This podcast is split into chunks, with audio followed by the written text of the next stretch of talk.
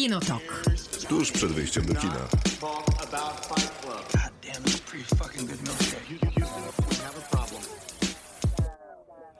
Dzisiaj kinotok wyjątkowe, dwie godziny o filmach i tym razem jednak nie o serialach i wyjątkowe, bo Też o serialach.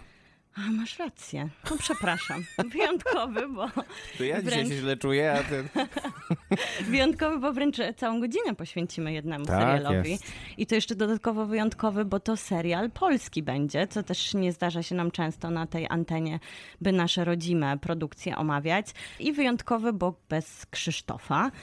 Tak jest, czyli opowiemy najp- w drugiej godzinie będziemy rozmawiać o serialu Sexify, serialu rzeczywiście, który pojawił się na Netflixie w zeszłym tygodniu, produkcji Piotra Domorowskiego, Kaliny Ala Brudzińskiej. Widać, że rzeczywiście dostali, dostała ta dwójka dosyć utalentowanych młodych twórców chyba sporo swobody od Netflixa, żeby zrobić serial. Też tak myślę. I podczas tej rozmowy dołączy do nas Kasia Koczuła, twórczyni Instagrama, instagramowego profilu i bloga Co z tym seksem, który mm, szczególnie jej profil na Instagramie bije rekordy popularności. I Kasia w e, takim krótkim okresie, bo powiedzmy w około, okresie około roku stała się być może jedną z najbardziej popularnych instagramerek w Polsce, a na pewno najbardziej popularną instagramerką w Polsce, jeśli chodzi o kwestie właśnie seksualności, e, rozumienia seksu i tak dalej. Sam temat to jest jeden link, a drugim linkiem jest również to, że Kasia stworzyła swoją aplikację, a dokładnie o tym opowiada serial. Dokładnie. Jego bohaterka tworzy aplikację o tej samej tematyce, o której Kasia, więc no, będzie sporo tutaj powodów do tego, żeby porozmawiać z Katarzyną właśnie o tym. A przy okazji będziemy rozmawiać nieklasycznie dzisiaj o filmach, ale nie o najświeższych premierach, a trochę tak świątecznie postanowiliśmy porozmawiać. Co ciekawe, bez Krzysztofa, który prawdopodobnie by był najbardziej zaangażowany w ten temat o, tak. o kinie akcji. I To trochę jest mój temat. Wynikał z tego, że miałam przyjemność zobaczyć wszystkie pięć części właśnie filmu, który będzie głównym tematem naszej rozmowy. Oczywiście zlinkujemy go z innymi tytułami kina akcji, ale będziemy rozmawiać o Jasonie Bornie i jego pięciu odsłonach, jednej nawet bez Jasona samego w sobie na ekranie. Więc dzisiaj w robocie będzie dotyczyło również, czyli Kina nasz akcji też. cykl dokładnie zapytaliśmy Was o to, jakie są Wasze ulubione filmy akcji i zaraz je zaprezentujemy. No ale zapomnieliśmy o tym, żeby się przedstawić, więc Miłosława Bożek. Maciej Stasierski. W pierwszej części programu będzie dużo akcji, a w drugiej części będziemy rozmawiać o kontrowersyjnym, chyba nie, chociaż Raczej temacie nie. właśnie, o temacie związanym z seksem i polskim serialem Sexify. Zapraszamy. Kinotok. Film. To obiecane w robocie. Dzisiaj się z Maćkiem podzielimy. Nieklasycznie zwykle Krzysztof czyta, ale dziś my przeczytamy wasze odpowiedzi. Zacznijmy od Jakuba. Jakub mówi tak. Zabójcza broń. Nikt nie zapewniał takiej wspaniałej rozrywki jak duet Mela Gibsona i danego Glovera. Trochę komedii, brutalnej rzeczywistości i 80sowsko-90sowskiego sosu. Poza tym Jakub wymienia jeszcze dwa tytuły. A John czekaj, to zostańmy z tym A. komentarzem. I co, Tutaj będzie zabójcza? dużo tego.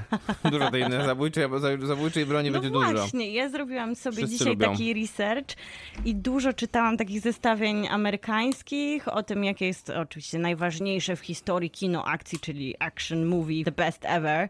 I tam zabójcza broń raczej na tyłach, a w Polsce wszyscy kochamy i zestawieniach raczej w pierwszej trójce. Bo wszyscy oglądaliśmy w ramach jakichś mega hitów e, czy innych, innego rodzaju w telewizji i pewnie dlatego jest taka popularna. I myślę, że to jest takie właśnie swojskie podejście do kina akcji, które, które mogło się spodobać naszym tutaj widzom. Pewnie będziemy o tym rozmawiać, że wydaje mi się, że ważne były jednak bardzo te wybory głównej roli w kinie akcji i Mel Gibson. W ogóle ten duet, tak jak tutaj dobry był duet. po prostu świetny duet, świetnie się sprawdził. Dalej, John Wick, co tu dużo mówić, nikt w tym barowym stylu nie morduje, sztyletuje, zabija jak Keanu Reeves, który chciał po prostu życia z psem u boku w obliczu tragedii. No i pełna zgoda, nikt tak nie zabija jak Keanu W Reeves. sensie ja się zgadzam co do tego, natomiast ja uważam, że magia Johna Wicka wynika zupełnie z czego innego. Nie E, z mordowania. Raczej z tego, że mm, tam jest taka dołożona ciekawa mitologia, którą, e, która jest zorganizowana wokół tego hotelu, do którego John Wick e, co jakiś czas trafia. do tych rozmów z tym odźwiernym, czy z tym, czy z tym szefem tego hotelu, którego gra Ian McShane. Myślę, że to jest jakby duża magia tego, tego, tej serii, szczególnie trzeciej części, która jest według mnie najlepsza. Wydaje mi się, że masz trochę racji, że to jest taka scenografia i taki świat, który nas zaprasza, który trochę wydaje się, że gryzie się z kinem akcji klasycznym, bo to jest trochę taki wręcz fantastyczny świat, chociaż bardzo zakorzeniony w realnym świecie, który znamy. Więc faktycznie ten John Wick jakoś tak niweluje pomiędzy taką opowieścią epicką w tych wnętrzach No tak. na bogato. No ale trzeba przyznać, bo jestem na świeżo z końców kończona Wicka, że tam jest naprawdę dużo mordowania. Skala mordu. Tam mordują. Uch, to jest, to jest naprawdę... Tam na serio, mord- na, na serio tak, mordują. Na serio mordują. No i trzeci tutaj, trzecia seria, na którą Jakub zwraca uwagę, to są filmy 21 and, i 22 Jump Street. To jest em, duet e, e, Johna Hill i Channing Tatum.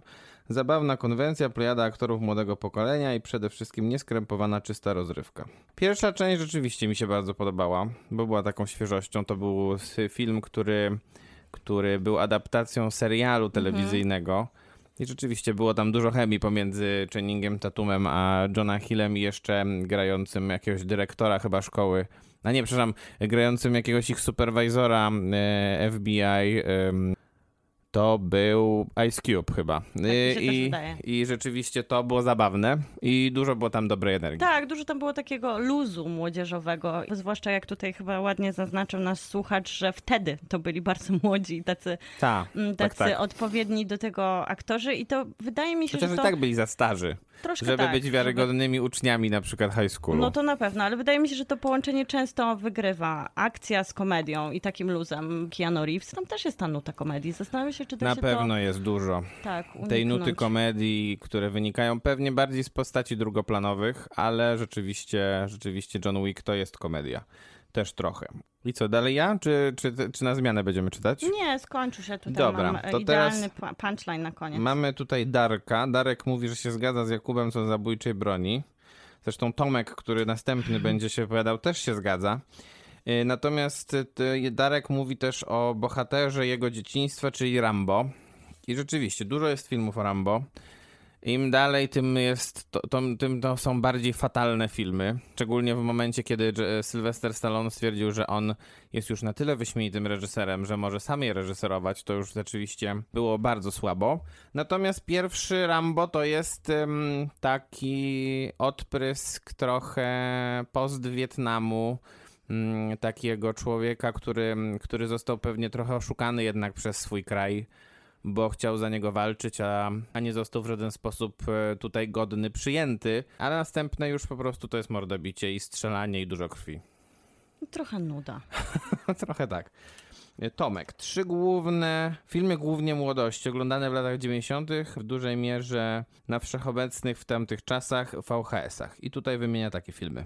Rambo i Rocky to jako to Sylvester Stallone, amerykański ninja Michael Dudikoff, oddział Delta i zaginiony w akcji to Chuck Norris, szklana pułapka to Bruce Willis, Terminator Arnold Schwarzenegger. Tutaj bym się trochę nie zgodził, bo Terminator jest jednak na granicy kina, jakby nie, Troszkę nie na tak. granicy kina science fiction, tylko jednak przechodzi bardzo mocno w kino science fiction. Wizjonerskie kino science fiction, nie ma co do tego wątpliwości. Myślę, że James Cameron wtedy rzeczywiście był na szczycie swojej e, niesamowitej kariery. No Terminator 2 to jest Tak. naprawdę wybitne kino, zwłaszcza po latach wydaje się, że te efekty specjalne nie mogły przetrwać próby czasu, ale jest to imponująca scena, w której Terminator przechodzi przez kraty, która jest jednak no, w 2021 nie jest to poważne CGI, ale to działa fantastycznie, Tak, prawda. płynnie, cudowne kino. I jeszcze dodaję oczywiście zabójczą broń, bo każdy chyba z naszych, czy, z naszych słuchaczy dodawał zabójczą broń, ale przy Melu Gibsonie też umieszcza Mad Maxa. To jest kino akcji, takiej antyakcji powiedziałbym, bo szczególnie te filmy właśnie Mad Maxa z Melem Gibsonem, to nie miały za dużo akcji. Miały za to bardzo dużo post takiego cyberpunku i, i działały raczej klimatem niż tym, że ktoś się bił z kimś albo... Oni tam dużo jeździli samochodami, co prawda. No i to dokładnie się, to się wydarzyło w najnowszym Mad Maxie, który był jakimś takim bardzo ryzykownym projektem z perspektywy tego, że zdecydowało się studio wyłożyć ogromne pieniądze na film, który był tak naprawdę w zakresie pomysłu dwugodzinną, dwugodzinnym wyścigiem Sceną samochodowym. akcji. Tak, dokładnie tak. Scenariusz jednak, był na trzech kartkach. dokładnie, więc Mad Max ma za sobą sporo takiej ciekawej historii, jako takie kino, które wykracza poza gatunek. Tak. I tutaj Tomek dodaje, czy udane, czy nie, to kwestia gustu. Yy, I tutaj możemy się zgodzić oczywiście. Niektóre lepsze od innych, inne lepiej przemilczeć, jednak co tam, coś tam wniosły. Czasem całkiem sporo, jak na lata 90. dla chłopaków, co każdy, kiedy każdy chciał być ninja czy komando. No Zupełna zgoda. zgoda. To ja zaczynam od Marcina, który pyta, gdzie jest pani od Szybcy i Wściekli? I faktycznie Właśnie zawsze, zawsze Magdę. była, zawsze była. Zawsze była w sytuacji, kiedy pytaliśmy o filmy z Meryl Streep. Zawsze Tak. była w sytuacji, kiedy chyba. pytaliśmy o najlepsze musicale, a tutaj zabrakło. Dokładnie, tutaj, gdzie przydałby się ten głos, ale może to jest właśnie Magdy wspaniała zdolność, że Szybcy i Wściekli lądują tam, gdzie są nieoczywiści. A Rozumiem. wiadomo, tutaj są oczywiści. Ale uzasadnienie zawsze jest trafne. Michał pisze, z klasyki kina akcji podpisuje się obiema rękami pod zabójczą bronią. A od siebie dorzucam Johna McClane'a i Szklane Pułapki 1.4, o piątej części zapominamy, oraz trylogię Bad Boys. A coś mi mówi, że redakcja weźmie na warsztat niekończącą się niczym Wielka Orkiestra Świątecznej Pomocy serię Szybcy i Wściekli. Może nawet jakiś ranking zrobią. No to nie a tym to razem. Michał y, jest, y, dzisiaj, dzisiaj komentował nasz post y, zapowiadający Tak. audycję, w którym Gdzie odkryliśmy nasze właśnie- karty. właśnie był rozczarowany chyba trochę, chociaż nie wiem w sumie, bo brzmi tak, brzmi tak ironicznie trochę to podejście jego do, do szybkich i Bo wściekłych. Szybcy i Wściekli to jest jednak taki produkt, który wiadomo, że się sprawdzi, a Jason Bourne jest zagadkowy, ale my dzisiaj, Mocna teza. tak, a my dzisiaj udowodnimy, że on się tak naprawdę też świetnie sprawdza. Tak. Kamil pisze, niewiele tego mam. Zawsze pierwsza będzie seria Mad Max, kino akcji z oddaniem. Dorzuciłbym jeszcze Grindhouse z przyjemnym rozszerzeniem szaleństwa klasy B oraz może obydwie trylogie Batmanów. No i tu jest właśnie ta cienka granica pomiędzy kinem science fiction i superbohaterskim, e, komiksowym, tak. superbohaterskim a akcji. I tutaj jest głos, który idealnie domknie się do naszej dzisiejszej rozmowy. Obejrzane ostatnio pięć Bornów jest trochę za serioznych, ale był fan. Die Hard wiadomo, a najwięcej razy widziałem trójkę z Samuelem L. Jacksonem, którą miałem nagraną na VHS. Z Jacksonem i z Jeremy Ironsem. Dokładnie. W związku z tym, że Bondy wjechały na streaming, obejrzałem chyba pierwszy raz The Spy Who Loved Me i For Your Eyes Only z Rogerem Moorem. Też był fan, ale jednak trochę różowa pantera. Mission Impossible bywa nierówne, ale ostatnie było doskonałe. Czuwaj, pozdrawiamy Maćka, który obejrzał te pięć Bornów ze mną. Dokładnie tak zrobił. I dlatego tak tutaj jest wspaniała klamra do tego, że jest to przyczółek do naszej rozmowy. Do samego Borna i jego pięciu odsłoń przejdziemy za moment. Kinotok. Film. Jason Bourne, którego możemy oglądać praktycznie wszędzie na internecie. Możemy zobaczyć pierwsze trzy części na Netflixie.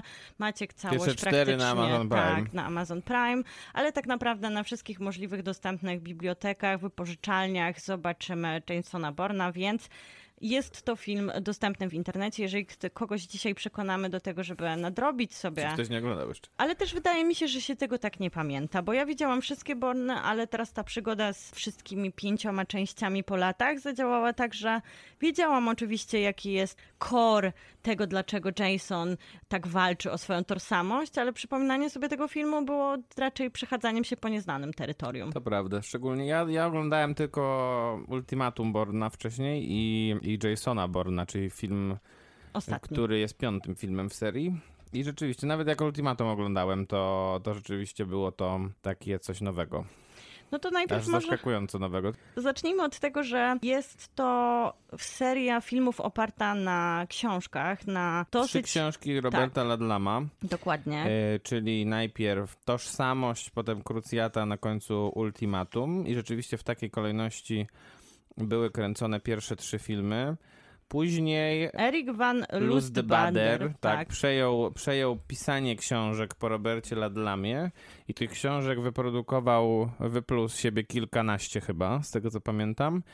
Jedną z nich jest z kolei Born Legacy, czyli Dziedzictwo Borna. Tylko, że e, Born Legacy jest książką o Jasonie Bornie też, a film e, Born Mhm. Legacy nie jest o Jasonie Bornie, tylko jest o Aaronie Korosie granym przez Jeremiego Renera. To wynikało trochę, ten dosyć zaskakujący zabieg wynikał z tego, że no główny już po dwóch częściach reżyser stwierdził razem z głównym aktorem, do czego dojdziemy niebawem, jak ta piękna trójca się domknęła, tych trzech filmów, stwierdzili, że oni już nie chcą kontynuować tej przygody, co często bywa po już takiej kompletnej trylogii, która w sumie w ostatniej części nakręconej przez Greengrassa z Damonem się tak domykała nawet bardzo ładnie, w sensie oferując nam takie zamknięcie całej opowieści, no ale ostatni z trzech filmów zarobił prawie 450 milionów dolarów, czyli dwukrotnie więcej niż dwie pozostałe części. No i studio zdecydowało, że oni chcą tą kontynuację niezależnie od tego, że reżyser i główny bohater nie są na pokładzie. I dlatego dostaliśmy czwartą część, która tak naprawdę trochę korzysta ze wcześniejszych serii, ponieważ ciągle oglądamy jakieś retrospektywy. Tak, No co, ale... chwilę, co chwilę są retrospektywy z Born Ultimatum. Dokładnie. Jeszcze przed filmami w 1988 mogliśmy oglądać, mogli oglądać e, wtedy w telewizji serial telewizyjny Tożsamość Borna, która faktycznie była bardzo oparta na książkach Ludlama, bo film już tak, e, pierwsza część jeszcze w miarę odpowiadała temu, co czytaliśmy w powieściach, ale już później to były raczej takie luźne skojarzenia z książką, a serial bardzo odpowiadał na to, co dostaliśmy w pierwszych powieściach i tam Richard Chamberlain w roli głównej, który bardzo chciał sam zagrać Jasona Borna, on się po prostu upominał dosłownie o to. No i tą rolę zyskał. Ten serial się cieszył ogromną popularnością i chyba właśnie pokazał, że to jest książka, którą dobrze się przekłada na język filmowy, ponieważ oglądalność nie tylko w Stanach i Wielkiej Brytanii była duża, ale później Warner wydał DVD i to było bardzo chętnie oglądane, więc to zaczęło tak taki przekład na język filmowy.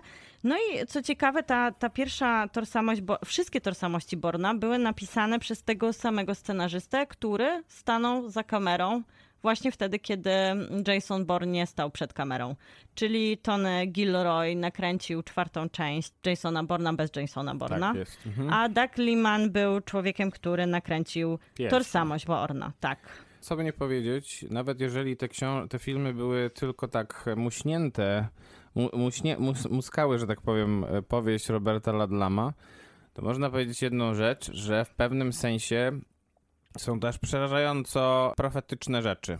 To prawda. To znaczy to, w jaki sposób funkcjonują amerykańskie służby, e, szczególnie po tragedii z 11 września 2001 roku. Myślę, że to jest świetnie tutaj ujęte. Jak bardzo rzeczywiście ten okres był, jest i dalej prawdopodobnie jest e, jednym wielkim okresem inwigilacji wszystkiego i wszystkich. I jak bardzo amerykańskie służby chyba przedkładają szeroko pojęty interes Stanów Zjednoczonych nad ludzkie życie czy ludzkie zdrowie. Bo no tutaj się morduje ludzi po prostu i to czasem jak się w morduje ramach tych ludzi... patriotycznych Tak. haseł, co I to jest czasem jak się morduje istotne. tych ludzi przypadkowo nawet, to też to nie jest nigdy nieudana operacja, tylko to jest operacja, którą trzeba było po prostu przeprowadzić, bo możliwe, że w przyszłości byłoby jakieś zagrożenie.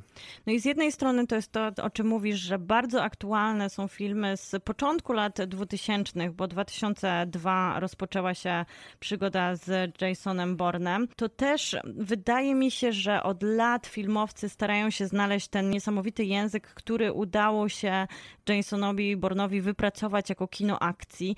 Kino akcji, które z jednej strony jest bardzo skupione na bohaterze, bo poświęca bardzo dużo czasu temu, czemu się nie poświęcało wcześniej dużo czasu. Tam zwykle były takie papierowe postaci, które miały albo żonę, albo kogoś straciły, więc były pogrążone w traumie, albo były takim idealnym, przykładowym ojcem, który wracał do swojej rodziny i zawsze tam wspólnie jedzono kolację ze swoim duetem policjantów. Tutaj Jason Bourne dostał taką, taką Nawiąza- nową... Nawiązania do zabójczej broni Tak, oczywiście. przez cały program.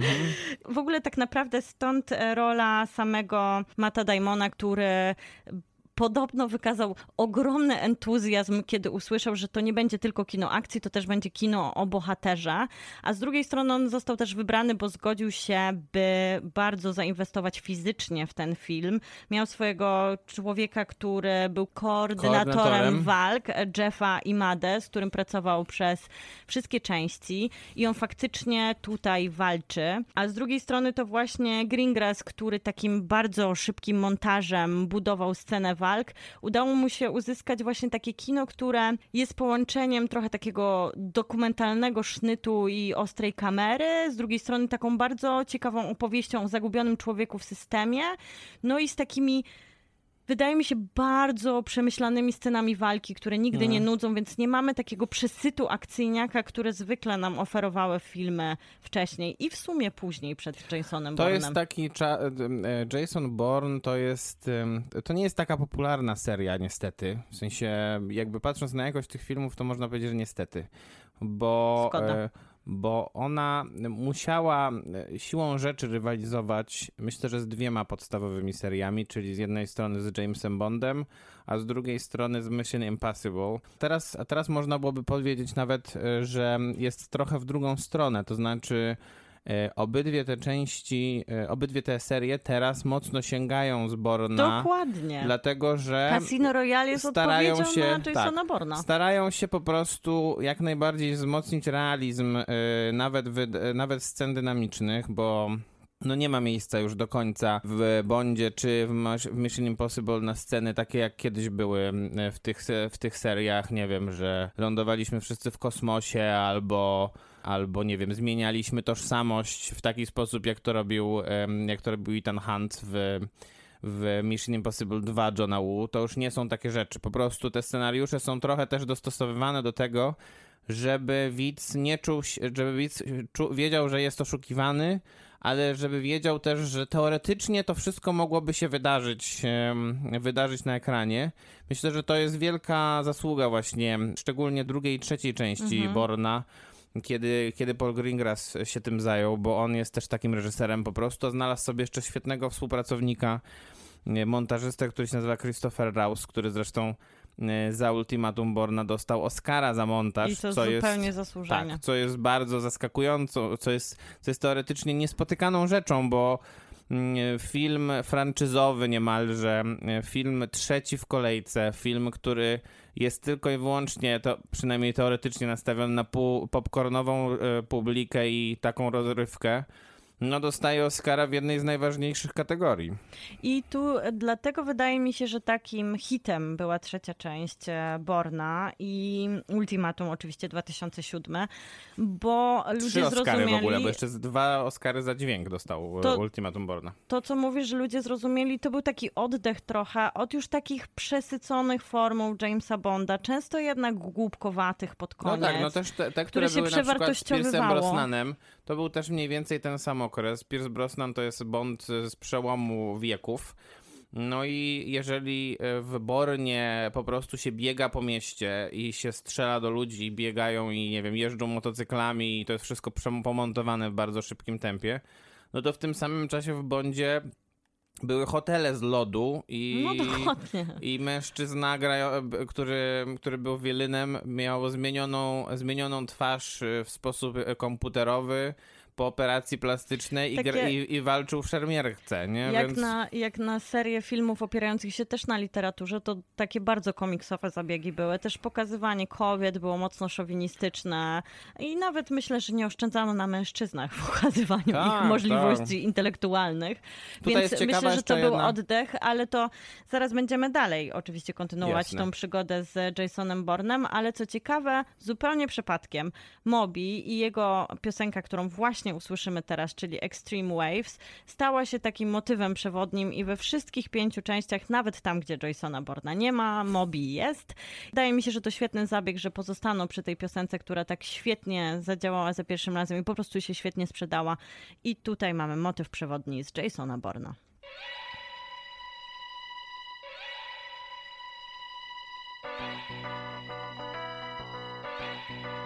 Stream Waves i Mobi, więc motyw przewodni ze wszystkich części Jasona Borna, do którego wracamy Tak już jest. teraz w wydaniu Też filmowym, się tak czyli zdziwiłaś, że wracamy do niego w wydaniu filmowym, czyli zacznijmy od wszystkich części.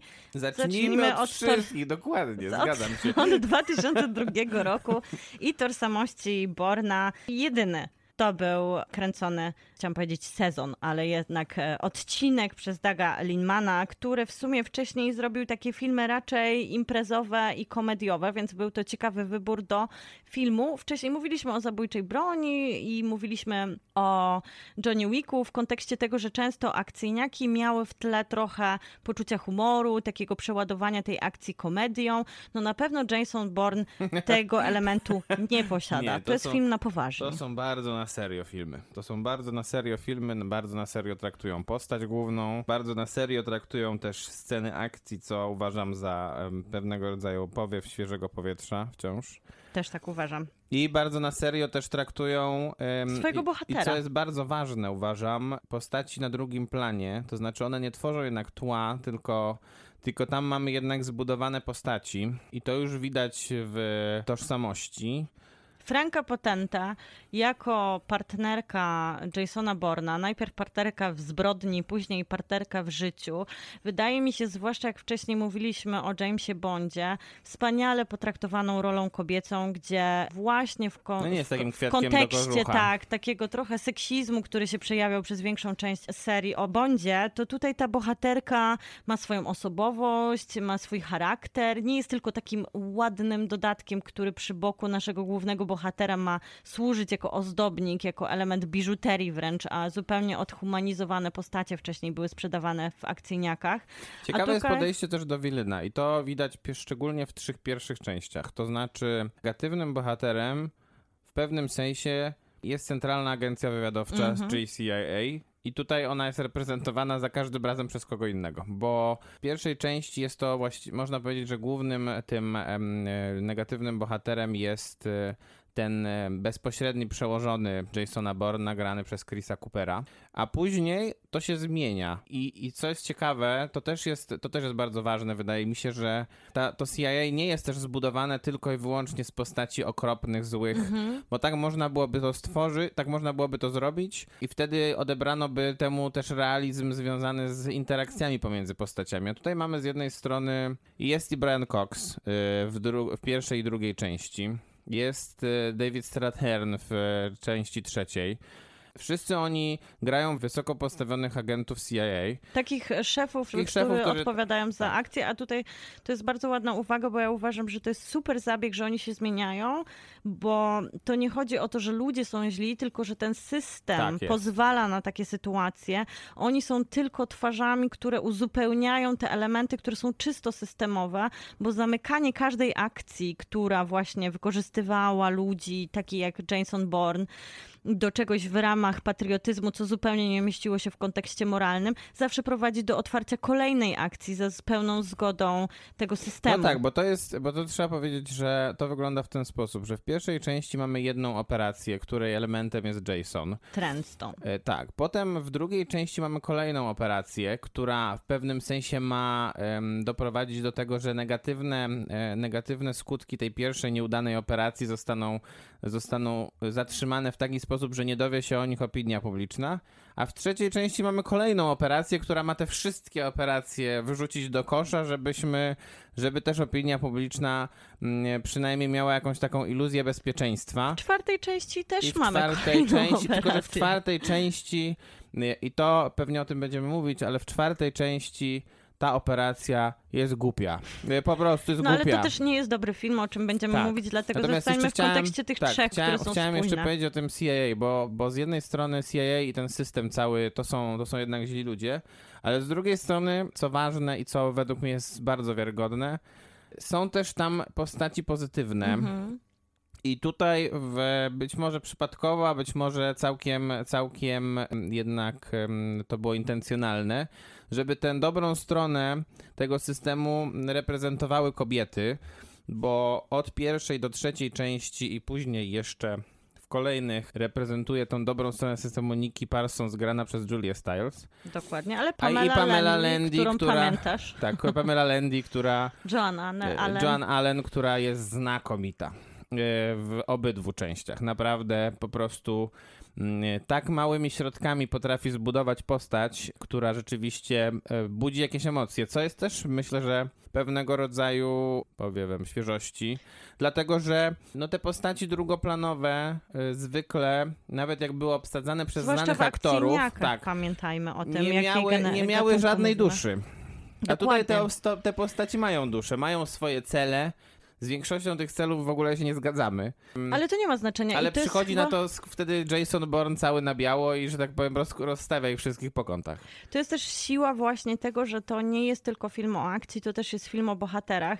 I nawet pojawiający się tu na moment bardzo często tacy fizyczni przeciwnicy Borna, z którymi on musi po prostu przejść walkę. Walki Tak. legendarne, które się odbywają na poziomie walczenia gazetą, długopisem i książką, co myślę, że Tak. wpisuje się po prostu w jakąś fan, fantastyczną klasykę kina, który, z której później kino czerpie, bo ten długopis właśnie to Keanu Reeves na przykład wykorzystuje jako takie mrugnięcie okiem do gatunku, no to nawet ci jego przeciwnicy, którzy powinni się pojawić tylko po to, żeby, mówiąc kolokwialnie, obić się po mordach, oni też stoją przed tym samym pytaniem, przed którym stoi Jason Bourne, że oni z jednej strony są patriotami, oni zostali wykorzystani do jakiejś myśli, która wydawała się im usprawiedliwiająca wszystkie działania, które dokonują, czyli przemoc, czystą przemoc.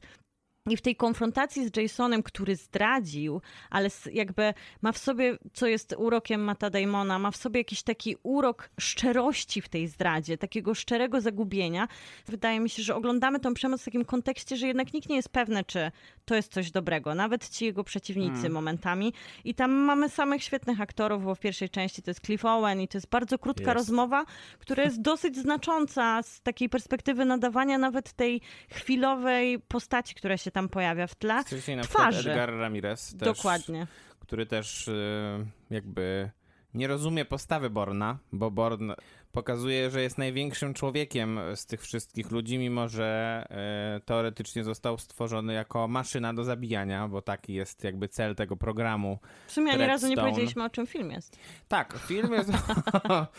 film generalnie opowiada o programie do tworzenia takich, można było powiedzieć, y, Zabójczych maszyn. zabójczych maszyn, czy żołnierzy idealnych, którzy mają być wyzuci z jakichkolwiek emocji i po prostu realizować swoje zadania takim, jakie usłyszą. Y, Jak dostaną zadanie, to mają je po prostu zrealizować bez zmrużenia okiem. I pierwsza część, czyli tożsamość Borna, rozpoczyna się od tego, że się dowiadujemy, że, że Jason nie wykonał zadania, konkretnie nie zamordował, e, zamordował dyktatora afrykańskiego kraju, mm, który, e, którego śmierć miała doprowadzić do jakiegoś tam pewnie pokoju w tamtym, w tamtym rejonie świata. I w No i- pewnym sensie chyba przez jakiś szok, który towarzyszył temu, że jednak on się złamał, a był idealnym żołnierzem.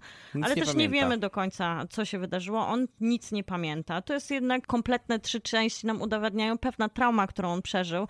I ta trauma będzie się składać Nawet bardzo... część później też będzie o tym one, opowiadać, w sensie piąta, przepraszam. Wszystkie części będą się sprowadzać do tego, nawet bardzo zgrabnie, to chyba zasługa oczywiście stojącej w tle literatury, że on, o, ta trauma jest spowodowana wieloma działaniami, które manipulowały nim jako człowiekiem i zmuszały go do rzeczy, które kiedy się uwolni spod tego systemu, wcale nie chciałby robić. Więc mamy takiego bohatera dwuznacznego, który z jednej strony postawiony do muru oczywiście walczy, i też często zabija, ale zabija ze skruchą. To nie jest jednak Keanu Reeves, który zabija dosłownie i zostawia za sobą trupy. To jest człowiek, który miota się pomiędzy tym, do czego został stworzony, a tym, kim chce teraz być w momencie, kiedy dostaje czystą kartę. Ewidentnie nie chce do końca, nie chce do końca życia być tym, kim e, jakby musi być, e, bo tak, bo tak się wydarzyło w jego życiu.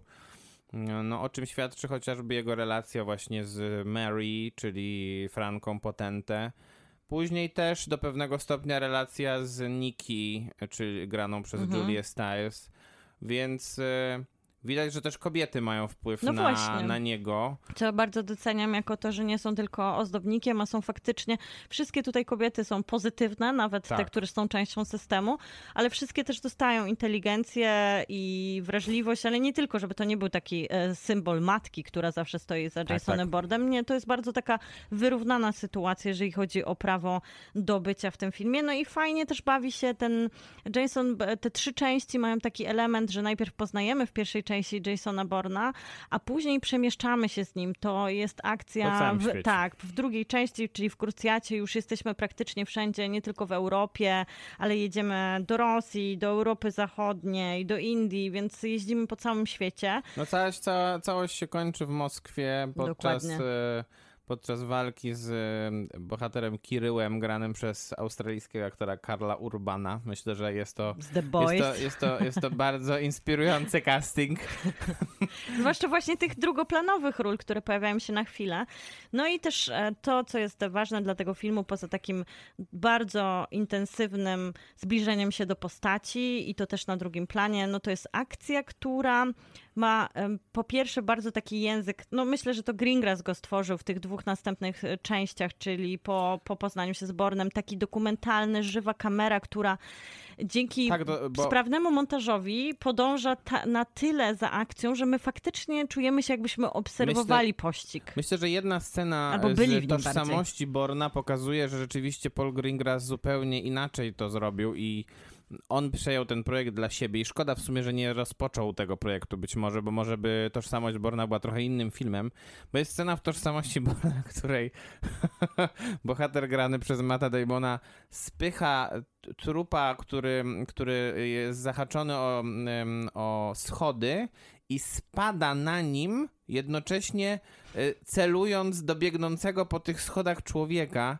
I to już mi trąciło strasznie takim Jamesem Bondem, dlatego ja tej tożsamości trochę nie kupuję. W sensie to jest, to jest przyzwoity film i ze względu na to, jak została stworzona bohaterka Tamari, to na pewno jest to ważny film, bo dobrze rozpoczyna tę, tę serię, ale to jednak jest seria Paula Greengrassa, a nie Daga Limana. Ona też, e, ciekawe, ta pierwsza część ma w sobie dużo z tego 90sowego uroku, właśnie Tak. akcyjniaków, czyli czerpania z tej dzisiaj wymienianej wielokrotnie zabójczej broni, konkretne kolorki, Tak, trochę tak, tak, taki inne- szafarz dokładnie. muzyczny, który na szczęście Greengrass przełamuje i wydaje mi, to znaczy, to, jest dalej dobry film, dobry. ale Taki dzięki 7 na temu, 10 że. Greengrass wchodzi w niego tak bardzo autorsko, to jest takie kino, które wydaje mi się w akcji już nie da się powtórzyć, bo z jednej strony mamy tą, te, te sceny walki i ja na przykład nie jestem wielką fanką kina akcji, bo wydaje mi się, że zwykle te sceny walki są tak nieautentyczne, tak Mhm. męczące, tak przydługawe,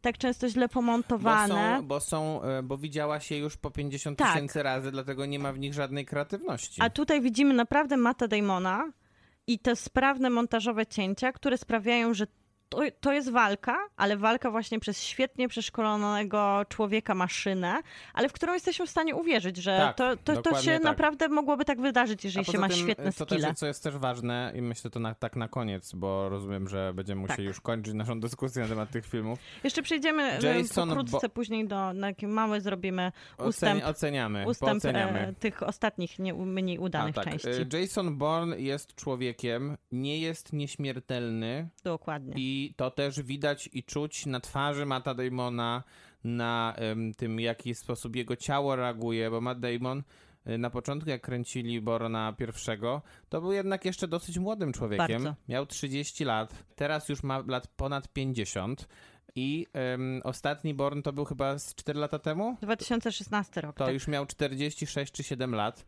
i tam już też widać to, że rzeczywiście ten bohater się zmienił ze względu na to, że po prostu jest już bardziej zmęczony, bo jest starszym człowiekiem. Tak, ale to właśnie Ultimatum Borna, czyli trzecia część e, Greengrassowa dała chyba taki największy hype i też na Mata Damona, który stał się ogromną gwiazdą i to był taki czas, kiedy naprawdę wszędzie pojawiały się gry tematyczne. Matt Damon dawał mnóstwo wywiadów, on też się z takim stał taką tożsamością tego filmu. W ogóle kino akcji często wybierając dobrych graczy jak Die Hard i Bruce Willis, którego właśnie odkryło kino akcji, czy myślę, że Mel Gibson, który dokładnie kino akcji tworzył, no to są takie... Tom Cruise na przykład. Dokładnie, Tom Cruise, który w sumie chyba jest największym bohaterem kina akcji, Tom Cruise jest bo największym on bohaterem. sam robi tą akcję. Po pierwsze, Tom Cruise jest największym bohaterem kina akcji, dlatego że robi tę akcję od 40, mam wrażenie, lat Do i dziś. nigdy nie schodzi z tego piedestału.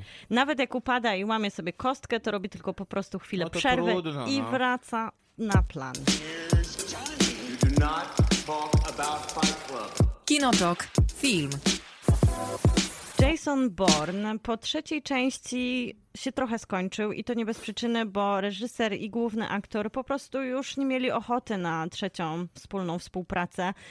Pierwsze dwa tytuły przyniosły gdzieś około 250 milionów dolarów, a ostatnia Ultimatum to był wielki hit 450 milionów, więc studio się zafiksowało, książki były i można było czerpać garściami, więc Więc pomysł- to tylko tytuł. tak, pomysł powstał taki, żeby dać nam trochę nowego Borna. Pewnie pomysł był też taki, że jeżeli on by się udał, co się nie wydarzyło, to pewnie można by było zrealizować Tak, tak, z nim seria. serię, a y, nowym Jasonem Bornem miał być Aaron Cross, grany przez Jeremiego Renera, którego chyba najlepiej znamy ostatnio z Marveli. Tak, Hawkeye Dokładnie. to jest właśnie on. Powiem tak.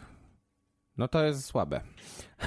I to E. pokazuje chyba, jak ważna jest e, ta pierwsza planowa rola. I Matt Damon był idealny w, takiej, w takim trochę zagubieniu z jednej strony, który on grał wspaniale swoją twarzą, takim trochę spojrzeniem takiego dobrego człowieka, a z drugiej strony to jego ciało, ta fizis, którą on potrafił uruchomić w momencie, kiedy wchodził w walkę i musiał pokazać, jaki jest silny, to my czuliśmy, że on napina te mięśnie, a z drugiej strony, jak właśnie starał sobie coś przypomnieć i był pogrążony w tej traumie, to wszystko działało na obliczu tego jednego bohatera, który ciągnął całą serię. No i tutaj jednak ten bohater zupełnie nie zadziałał. W sensie to jest dziwne, bo e, trzecia część, czwarta część Borna, czyli mm, Dziedzictwo, to jest chyba film z najlepszą obsadą z tych wszystkich, ale z W drugiej sensie chyba też najbardziej w sensie, znaną. Taką najbardziej gwiazdowską, Mhm. w sensie o to mi chodzi. E, Natomiast e, przez to, że zabrakło jednak scenariusza, mm, pomysł na intrygę, czyli kolejny program, tym razem występujący jakby obok tego programu Treadstone, program, który się nazywał Outcome, tak? Tak. Który polegał na tym, że i to już widzieliśmy wszędzie, gdzie się da, w- możliwie w kinie science fiction bardziej, czyli polegający na tym, że tworzono takich, takich zabójców, ale poprzez farmakologię, no to, em, to są nudy już straszne i głupoty przy okazji, bo po prostu cały program, który, którego członkinią między innymi była Rachel Weisz, która gra tutaj jakby drugą najważniejszą rolę w tym filmie, ona nic nie wie o tym swoim programie. Jest, e, jest naukowcem, naukowczynią, która e, jest nieuświadomiona na temat tego, co robi. No i, ten, i to, co mówisz, właśnie przypomina o tym nieudanym kinie akcji, do którego Tak. sięgnął ten film. Jednak jest za dużo takich głupotek, które się nawarstwiają, jeżeli chodzi o treść. Za dużo jest takiego na siłę właśnie wtłaczania jeszcze dodatkowych, dodatkowych i dodatkowych piętrzących się elementów akcji. Nie działa główny bohater. Bohaterka jest właśnie tym elementem jednak krzywego zwierciadła kobiety w tym wydaniu, bo jest rozhisteryzowaną, taką trochę komiksową postacią. Podobnie jak sam główny bohater Aaron Cross. On bardziej ma biec przez śniegi, zanim wilki biegną. No Rozpala z niczego, tak, rozpala z niczego gnisko. Jest takim, takim właśnie jednak przyśmianiem tych nie jest bohaterów stanie, kina nie akcji. jest w stanie zniszczyć drona, stojąc na środku polany w śniegu, e, w kurtce takiej, która nie pomogłaby na pewno mu przeżyć w takich warunkach, a potem biegać po Manili, e, po dachu i zmieścić się nawet w takiej bardzo małej przestrzeni i nic tam się nikomu nie dzieje generalnie. Więc e, dobrze, że ta, post ta postać nie jest kontynuowana, bo chyba rzeczywiście plan, który był jakiś, jakoś tam rozpisany, żeby, żeby ten temat z Jeremym Rennerem kontynuować, został porzucony. Pytanie, czy został porzucony też temat z Jasonem Bournem, bo po piątej części, w której powrócono pewnie, w pewnym sensie do dobrych tropów tej serii, Film był co prawda, wydaje mi się, nie do końca udany ze względu na to, że po prostu tam nie było już takiej głębi, bo dopisanie historii związanej z poszukiwaniem swoich tropów związanych z ojcem to już był kolejny schemat, o które ta seria nie, po które ta seria nie sięgała dotychczas.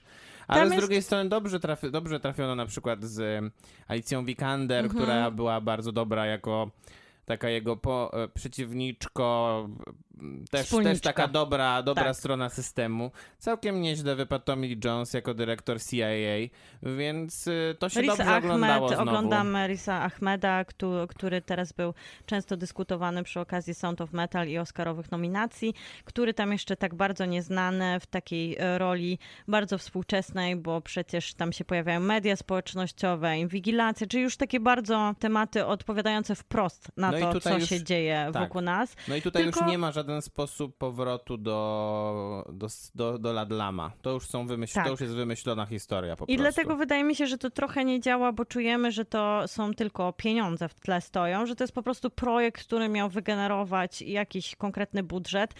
I dalej to się dobrze ogląda, bo jest ta ręka reżysera właśnie, która dodaje temu takiego autorskiego sznytu, więc mamy tą dzikość kamery i no i mamy głównego bohatera Jasona Borna, który właśnie w, bardzo dobrze sobie radzi z takim pokazywaniem. Jeszcze bardziej, że nawet jeżeli on już jest starszy i się wycofał, to ta trauma go będzie prześladować, bo ten system po prostu mu nigdy nie odpuści.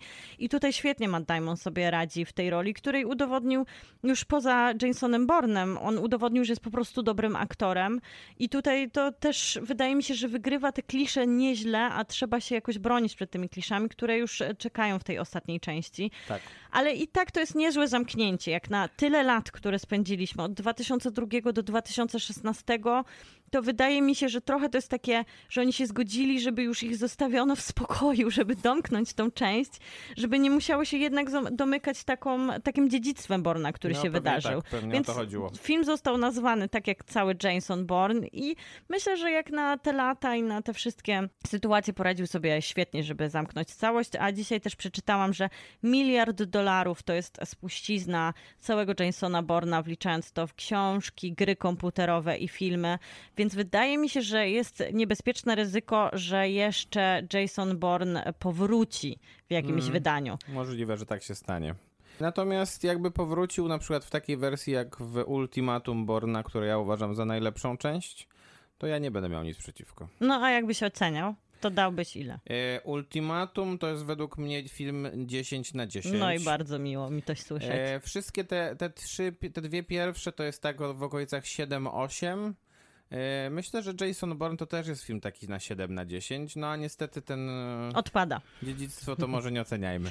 Ja trochę myślę sobie o tym, że akcyjniaki mają różnie z kontynuacjami, a ja tutaj oceniam 10 na 10 te pierwsze trzy części, które są takim naprawdę fascynującą trylogią kina, które bywa nudnawe, opierające się na kliszach i mało szanujące dla tych, którzy w nim występują, a Jason Bourne zupełnie przełamuje swój gatunek.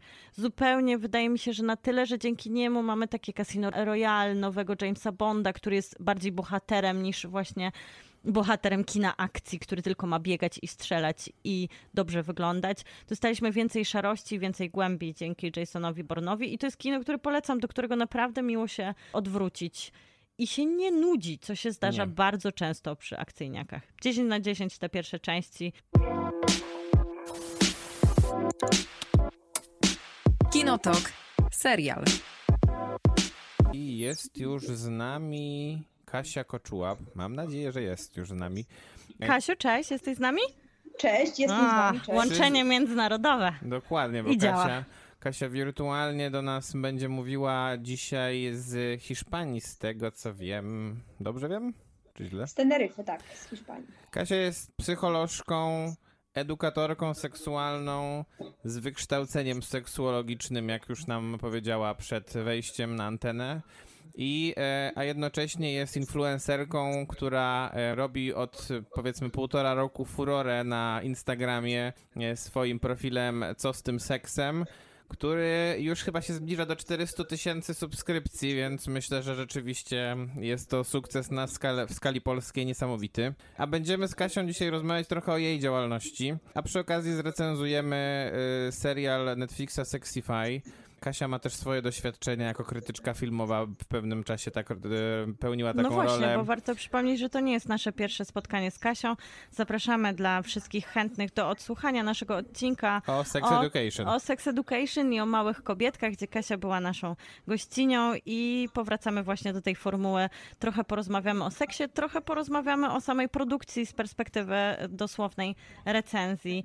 No pierwszego takiego autorskiego serialu polskiego, nie tylko Netflixa, bo wydaje mi się, że warto wspomnieć o tym, że showrunner i w ogóle taka opcja producencko-scenariuszowo-reżyserska w Polsce jeszcze nie jest taka popularna. Nie oddaje się seriali w ręce tak e, po prostu odważnie jakimś e, konkretnym osobom, które mają plan od początku do końca, jak to będzie wyglądać, a w wypadku Sexify tak się wydarzyło, bo to Kalina Ala Brudzińska i Piotr Domalewski. Kalina rozpoczyna swoją przygodę z kinem i z serialem, ale... To znaczy tak, Kalina Ala-Brudzińska rzeczywiście jest znana w Polsce głównie z tego, że nakręciła bardzo dobry dyplom Nic nie ginie, Mhm, dokładnie. mm, który był pokazywany między innymi na festiwalu Młodzi Film w Koszalinie. Tam dostał nagrodę za najlepszą reżyserię, więc widać, że rzeczywiście skill jest. Piotr Domalewski, oczywiście reżyser Cichej Nocy, tysięcy nagród przyznanych przez wszystkie możliwe gremia przyznające nagrody. A Sexify to jest serial opowiadający o trójce studentek Uniwersytetu Technicznego jakiegoś w Warszawie, fikcyjnego, które postanawiają stworzyć aplikację dla kobiet dotyczącą tego, w jaki sposób, dotyczącą seksu i dedykowaną głównie kobietom. I ich orgazmom, Tak. bo tak naprawdę aplikacja ma się skupiać na przeżywaniu kobiecego orgazmu. I to jest I. Kasia tak. Jest tutaj idealną osobą, nie tylko ze względu na edukację, którą odbyła, na to, jak świetnie sobie radzi w edukowaniu też innych poprzez różnego rodzaju platformy i jak ludzie świetnie odpowiadają na to, jak Kasia opowiada o seksie. Kasia stworzyła aplikację o seksie, którą Natalia Dumała, czyli bohaterka, chce stworzyć w Sexify. No, to znaczy nie, do końca, bo moja aplikacja jest typowo edukacyjna, tam są treści typowo edukacyjne, można się z niej po prostu wiele rzeczy nauczyć. Jest to bardziej taka aplikacja hmm, podparta merytoryką, głównie jest po prostu do czytania, a bohaterka Sexify tworzy aplikację, która ma jakby określić, jakie rzeczy trzeba robić, żeby tej danej użytkowniczce aplikacji sprawić przyjemność, doprowadzić ją do orgazmu. Można tam sobie w niej klikać różne rzeczy, po czym przychodzi tak, tak jakby przepis na orgazm. E, Można powiedzieć wtedy partnerce, partnerowi, e, o tutaj proszę, jak będziesz robić to i to, to prawdopodobnie ja będę miała przyjemność. Więc to trochę jest to jakaś różnica, ale. Kasia, a można zrobić przepis na orgazm? Chciałem No pytać. właśnie, no właśnie. To jest. e, To jest e, Czy to jest jakiś super fikcyjny pomysł scenarzystów? Tak, to jest skomplikowana, skomplikowany temat. Orgazm jest bardzo skomplikowanym tematem. Więc, I wcale nie tylko u kobiet, bo tak samo skomplikowany jest u mężczyzn. To jest trochę mit, że, że u mężczyzn to tak prosto działa, nie do końca też.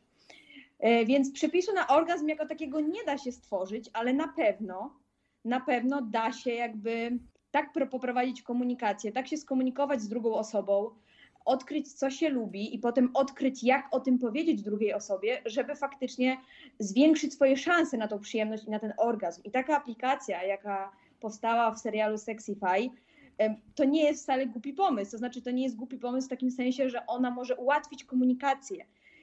My nie umiemy rozmawiać o seksie, boimy się rozmawiać o seksie. Seks wciąż jest tematem tabu. Więc jakby, a z kolei w aplikacjach sobie radzimy świetnie. Nasze pokolenie świetnie sobie radzi w aplikacjach. Więc wyobrażam sobie, że jak dwie osoby usiądą do takiej aplikacji, takiego typu aplikacji, zaczną coś tam klikać, trochę się śmiać, trochę może się zawstydzać wzajemnie, ale coś tam poklikają, pośmieją się i nagle wychodzi coś tam i, i dzięki temu można rozpocząć w ogóle rozmowę. To może być jakby wstęp do takiej rozmowy. Tak samo zresztą jest z moją aplikacją. Moja aplikacja też jest po to, żeby chociażby powiedzieć, ej, słuchaj, tutaj taka dziewczyna stworzyła aplikację, mm, może sobie poczytamy, może ty przeczytasz, może ja przeczytam i dzięki temu łatwiej się rozmawia. Więc jakby nie, ciężko mi sobie wyobrazić, żeby aplikacja potrafiła dać stuprocentowy przepis na orgazm, e, bo to jest dużo bardziej skomplikowane niż po prostu wymienienie co się lubi, tam trzeba zaznaczać właśnie, trzeba też brać pod uwagę właśnie te wszystkie rzeczy, jak pora dnia, to czy jesteśmy wyspane, na jakiej jesteśmy diecie i, i czy w ogóle się dobrze czujemy, jak z naszym relaksem, jak z naszym snem i w ogóle jeszcze mnóstwo innych rzeczy. Ale sam, jako sam wstęp do rozmowy, do tworzenia komunikacji, to wydaje mi się, że to jest fajny pomysł i wydaje mi się, że takie aplikacje będą powstawać, szczególnie, że rozwija się w ogóle ten przemysł seksu 3D, e, wirtualnej rzeczywistości, co też było pokazane w serialu w jednej scenie, więc wydaje mi się, że to będzie w tym kierunku szło. Czyli wychodziłeś z takiego podobnego założenia jak twórcy, którzy we wszystkich wywiadach mówią, że punktem wyjścia do napisania scenariusza Sexify było to, że Polacy nie rozmawiają o seksie i że ten serial, tak podobnie jak twoja aplikacja, ma chyba generować jakiś z jednej Dyskusję. strony el, tak, element edukacyjny, z drugiej strony przyczółek do dyskusji. Tak, zdecydowanie tak. I to moim zdaniem się e, świetnie się udało.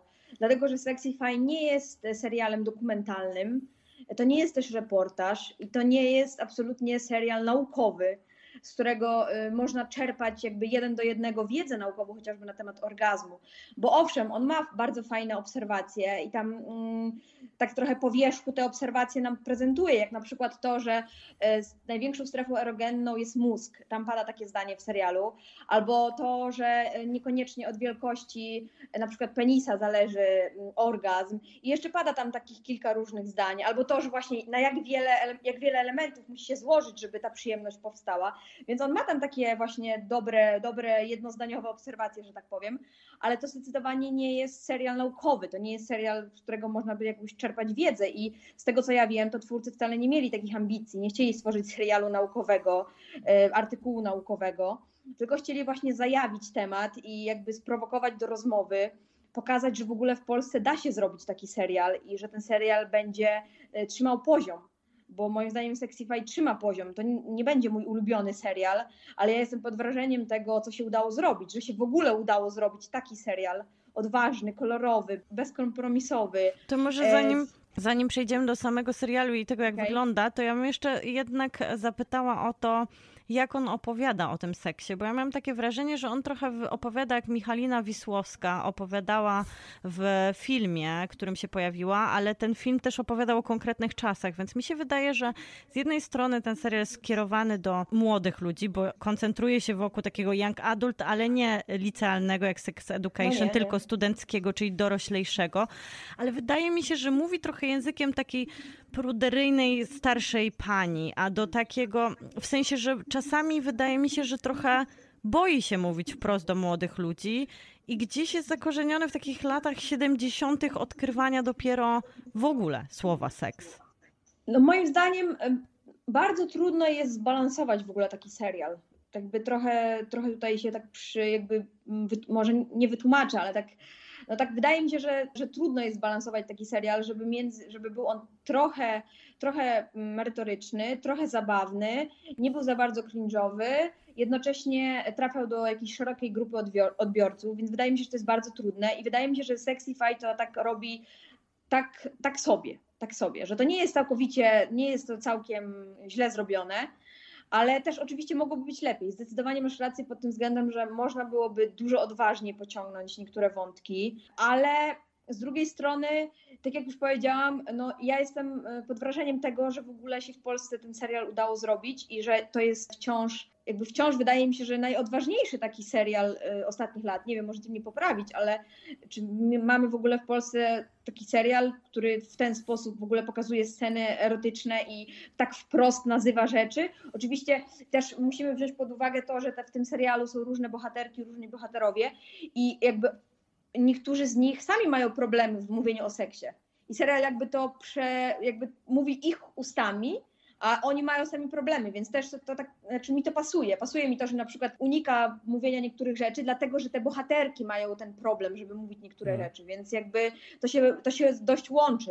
I to z kolei się zgadza z moimi obserwacjami na temat y, seksualności i seksu, tego w jaki sposób mówimy o nim w Polsce, dlatego że ja, ja też widzę, że ludzie się wstydzą, boją, że nie używają tych określeń, że mówią naokoło i że w Polsce nadal się mówi językiem właśnie lat 70. trochę o seksie, więc jakby to, to jest taka trafna obserwacja serialu Netflixa, że my gdzieś tam wciąż jesteśmy, więc y, i i w taki sposób mówimy o tym seksie, więc jakby serial to trochę oddaje.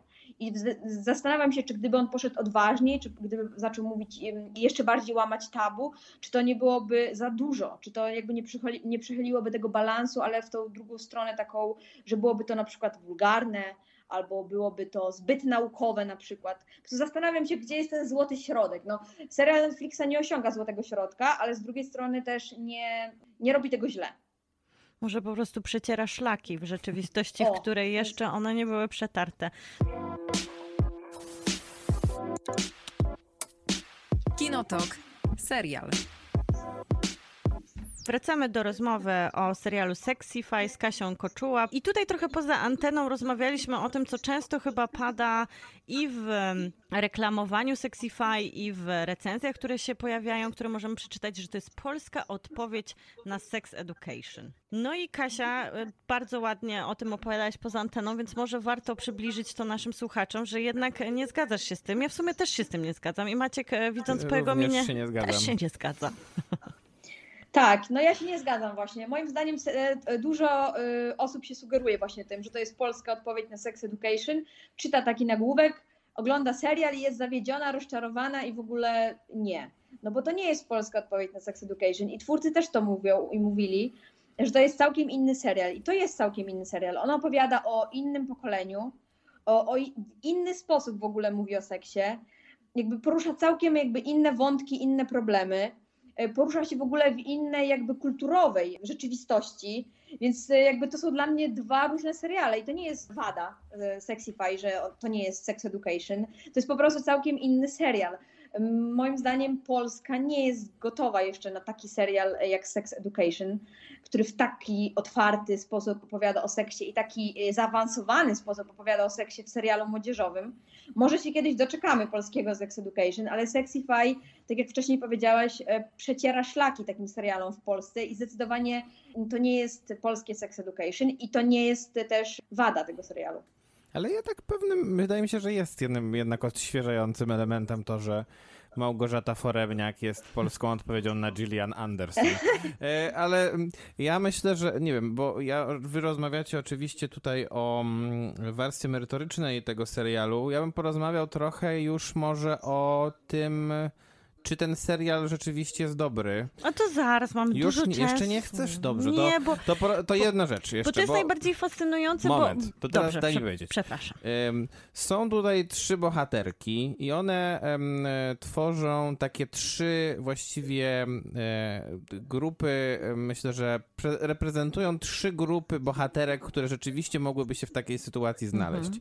Z jednej strony mamy dziewczynę, która jest zaangażowana w naukę i przez to jest to jakiś, w jakiś sposób implikowane w prosty sposób, że ona jest dziewicą, więc, więc o seksie nic nie wie. Z drugiej strony mamy dziewczynę z domu katolickiego, która, która i tak reprezentuje pewnego rodzaju polską hipokryzję, bo mieszka ze swoim ze partnerem. przyszłym mężem prawdopodobnie, który też jest zresztą z katolickiego domu, a mimo wszystko uprawiają seks pozamałżeński. I w końcu mamy też trzecią dziewczynę, która jest w pewnym sensie zbuntowana i pokazuje to w sposób seksualny. Czy to jest taki obraz według Ciebie, Kasiu, który e, myślę, że który dobrze portretuje to, w jaki, jakie, jakie mogą być e, rzeczywiście stereotypowo pojmowane kobiety w Polsce i do których ten serial trafi? To zdecydowanie są właśnie pewne postaci, archetypy i dobrze, że to powiedziałeś, bo to są zdecydowanie stereotypowo zarysowane postaci, ale one są stereotypowo zarysowane, ale one jakby się rozwijają w takim e, bardzo różnym, fajnym kierunku. E, Moim zdaniem w ogóle najsłabsza część serialu to są właśnie dwa pierwsze odcinki. Potem to zaczyna nabierać tempa i widać jak fajnie te stereotypowe postaci się rozwijają i że pod ich stereotypami jest dużo więcej. To właśnie bardzo lubię w tym serialu właśnie- w jaki sposób e, rozwinę, rozwinięto postacie te, tych trzech dziewczyn. I ogólnie wydaje mi się, że to są takie stereotypowe postaci nie tylko w Polsce, tylko Mhm. w ogóle takie stereotypowe postaci kobiece i podejście do seksualności, czyli że albo musi być osoba, jedna, ktoś musi być niedoświadczony, Co to ktoś jest musi, cnotka, tak? Ktoś, ktoś musi być bardzo doświadczony, Mhm. i ktoś musi być w ogóle w takim e, zawieszeniu trochę, tak jak ta osoba z katolickiego domu. Ale mm, moim zdaniem też całkiem e, sprawnie ten serial pokazał e, jakby obserwację, jakby to jest bardzo sprawna obserwacja tego, w jaki sposób o seksie się w Polsce rozmawia i w jaki sposób my jesteśmy mm, zawieszeni w ogóle w tej rozmowie o, o seksualności. I w jaki Właśnie sposób, dokładnie.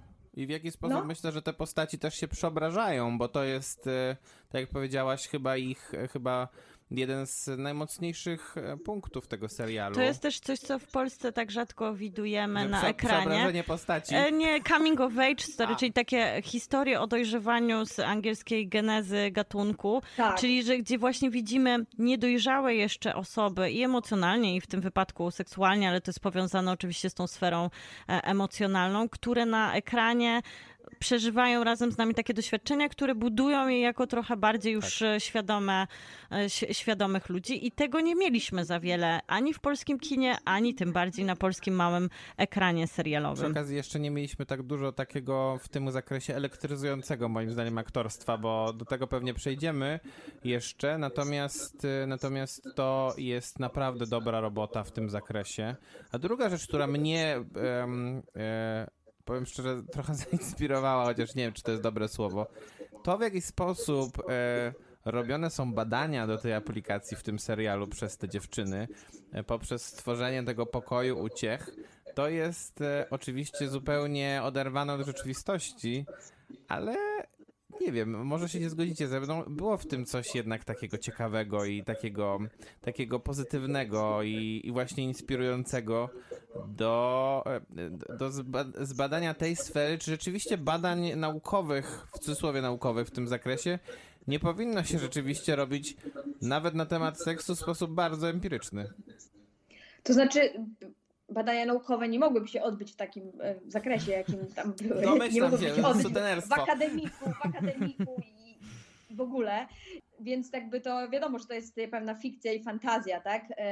E, Przy, przede wszystkim Natalia na początku próbowała te badania jakoś tam zoptymalizować, czyli podłączać te wszystkie urządzenia, co by już bardziej mogło na przykład przypominać bada badania, pierwsze badania na temat orgazmu, badania Masters i Johnson w latach 50., 60. To w ogóle były pierwsze badania i tam faktycznie podłączano aparatury, wprowadzano dildo z kamerką, rejestrowano po prostu re fizjologiczne reakcje, tak? Bo wtedy w ogóle powstały fazy orgazmu, reakcje, reakcje orgazmiczne. Oni to odkryli, znaczy odkryli, wiadomo, no to zawsze było, ale zostało to jakby opisane po raz pierwszy. Więc jakby wiadomo, że tutaj mamy e, fantazję scenarzystów, ale mm, same te sceny właśnie z pokazywaniem tych badań, badań w cudzysłowie tego seksu, to wypadły całkiem e, dobrze moim zdaniem, bo mm, jakby widać, że ten seks na ekranie nie jest e, kręcony dla samego seksu. To jest też pierwszy Tylko- serial, który warto zaznaczyć, jak już o tym seksie na ekranie mówisz, który zatrudnił konsultantów do spraw intymności, coś co w Stanach Zjednoczonych i w ogóle na całym świecie, jeżeli chodzi o plany filmowe czy serialowe, jest już stałą, jest już czymś, co musi być na planie, czyli ludzie, którzy sprawiają, że nikt nie poczuje się wykorzystany, gdzie sprawiają, że ludzie czują się komfortowo w sytuacjach, w których dochodzi do jakiegokolwiek takiego intymnego zbliżenia, ale nawet do nagości czy sytuacji, w których ktokolwiek mógłby się poczuć niekomfortowo, to Netflix zatrudnił takich ludzi, którzy czuwali nad aktorami, żeby zawsze czuli się komfortowo. I to widać, i to widać. Ja czytałam właśnie wywiad z tymi e, dwoma e, kobietami, to są psychoterapeutki, które w ogóle e, w Polsce konsultują różne sceny, na przykład dotyczące kręcenia dzieci, które ktoś wykorzystał seksualnie, jak je pokazać właśnie w jakimś filmie czy serialu. Więc one są doświadczone właśnie pod jakby doświadczonymi osobami, które pracują, pracują na planie. Ten, ten trend konsultantek intymności to może nie jest aż taki nowy, bo chyba to jeszcze nie jest obowiązkowe, ale to coraz częściej się pojawia. Ten zawód może ma 2-3 lata, mi się wydaje. Jest taka jedna znana konsultantka intymności, która w ogóle jeździ po tych studiach nagraniowych i, i konsultuje bardzo wiele różnych seriali, bo jest bardzo dobra w tym, co robi. I to jest super, to jest w ogóle super, że Netflix o coś takiego zadbał i to widać, to naprawdę widać e, w sposobie, w jakim mm, są kręcone e, sceny erotyczne i, i nie tylko erotyczne, ale w ogóle takie, mm, takie te zbliżeniowe sceny, w których ludzie się dotykają na przykład w tym serialu, to po prostu widać, że tam jakby nie jest to wszystko podyktowane takim, no takim tylko, żeby był seks, tak, że tam e, widać, że tam chodziło o coś więcej, że chciano pokazać coś, coś więcej. Oczywiście seks jest w tym serialu i jest pokazany w sposób bardzo e, obrazowy i, i wprost dość, na tyle, na ile można sobie pozwolić w takim serialu. I, I to też jest zarzut z tego, co ja czytałam, ale no nie wiem dlaczego. Jakby to jest serial jakby o seksualności, o seksie, pokazuje dorosłych ludzi, więc pokazuje po prostu ich seks. który Chyba, chyba częściej czytałam o tym, że zarzutem jest, że jest wręcz za mało tego seksu. Aha. Ale, ale to tak kończąc już to- o to samym seksie pisali- w Sexify. To, to pytanie do ciebie, która jednak e, dużo ma doświadczenia z rozmowami, bezpośrednim kontaktem ze swoimi obserwatorami. Czy ten serial w Polsce, Sexify, może bulwersować kogoś? Czy to jest coś, co przekracza jakieś granice? Czy komuś byś go nie poleciła? Jak to z twojej perspektywy wygląda? Bulwersować? Nie. Nie uważam, żeby ten serial był w ogóle w jakikolwiek sposób kontrowersyjny czy bulwersujący. Ja w ogóle e, nie znoszę takiego podejścia, że seks jest kontrowersyjny i seksualność jest kontrowersyjna. To, co ja już robię od dwóch lat, to, co próbuję zrobić, to właśnie odczarować w ogóle, odłączyć słowo seks od słowa kontrowersyjny, bo jedzenie jest potrzebą fizjologiczną i nikt nie mówi, że jedzenie jest kontrowersyjne. Więc tak samo jest z seksem, więc absolutnie nie uważam, żeby ten serial był bulwersujący, kontrowersyjny, żeby nie był dla kogoś. A w ogóle nie. Wydaje mi się po prostu, że część osób może tego serialu nie zrozumieć w kontekście tak, nie właśnie seksu czy seksualności, tylko w takim w innym kontekście, bo ten serial jest bardzo polski, bardzo polski, e, bardzo osadzony w naszej kulturze, e, jest bardzo taki milenia- milenialsowy, więc wydaje mi się, że on po prostu może być niezrozumiały w tych takich wszystkich żarcikach, kontekstach, e, jakimś tam tle społeczno-socjologicznym, na przykład dla, nie wiem, młodszego pokolenia albo starszego pokolenia.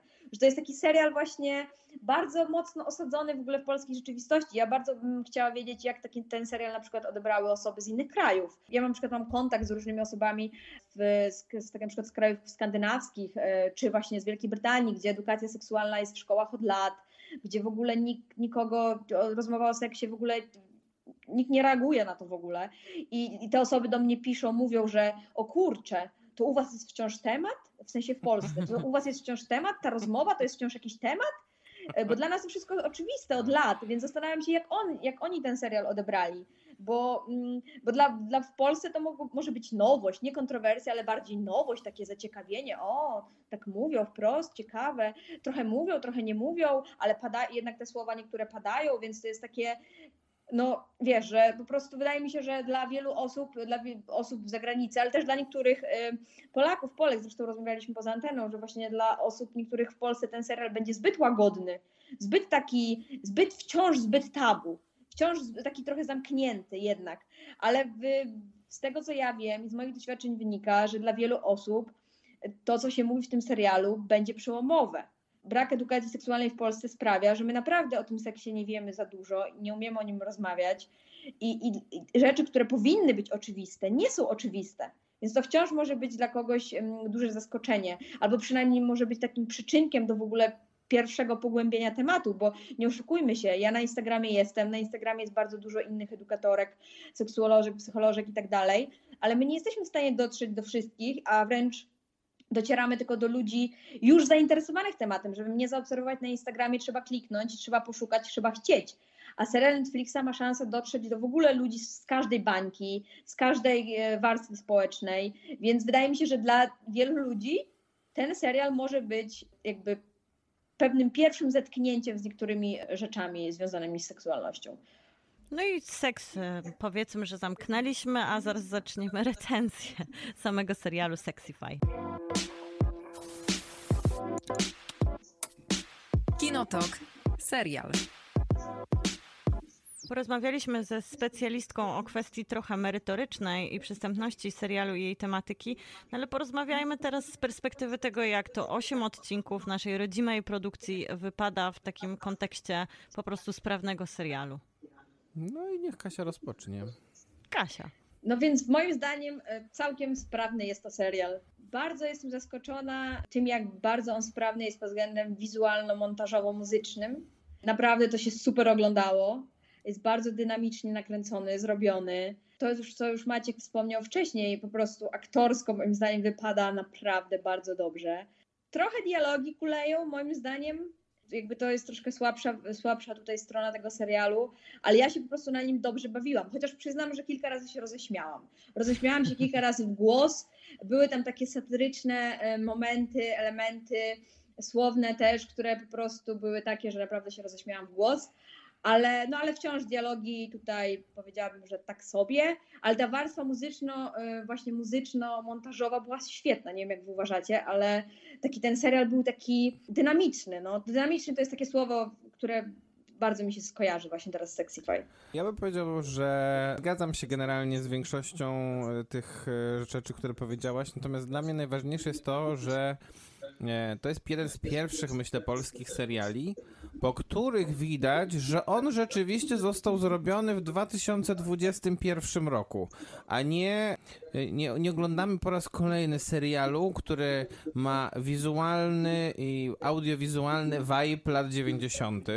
Nawet w przypadku, nawet w przypadku takich seriali, które przecież ambitne miały być i ambitnie miały podchodzić do tematów. Jak rozmawialiśmy na początku tego roku o serialu Król Jana Matuszyńskiego, no to e, kontrast w kontekście właśnie mm, takiego, takiej sprawności opowiadania historii, tempa, które się da, które potrafi narzucić tutaj, potrafią narzucić tutaj zarówno Piotr Domalewski, chociaż generalnie się zgadzam z tym też, co Kasia mówiła, że początek tego serialu jest trochę gorszy od końcówki, w sensie ta, te, dwa, te cztery odcinki, które wyreżyserowała już Kalina Ala-Brudzińska, są zdecydowanie lepsze od tych pierwszych czterech, a szczególnie no Szósty. petardą jest odcinek z potopem.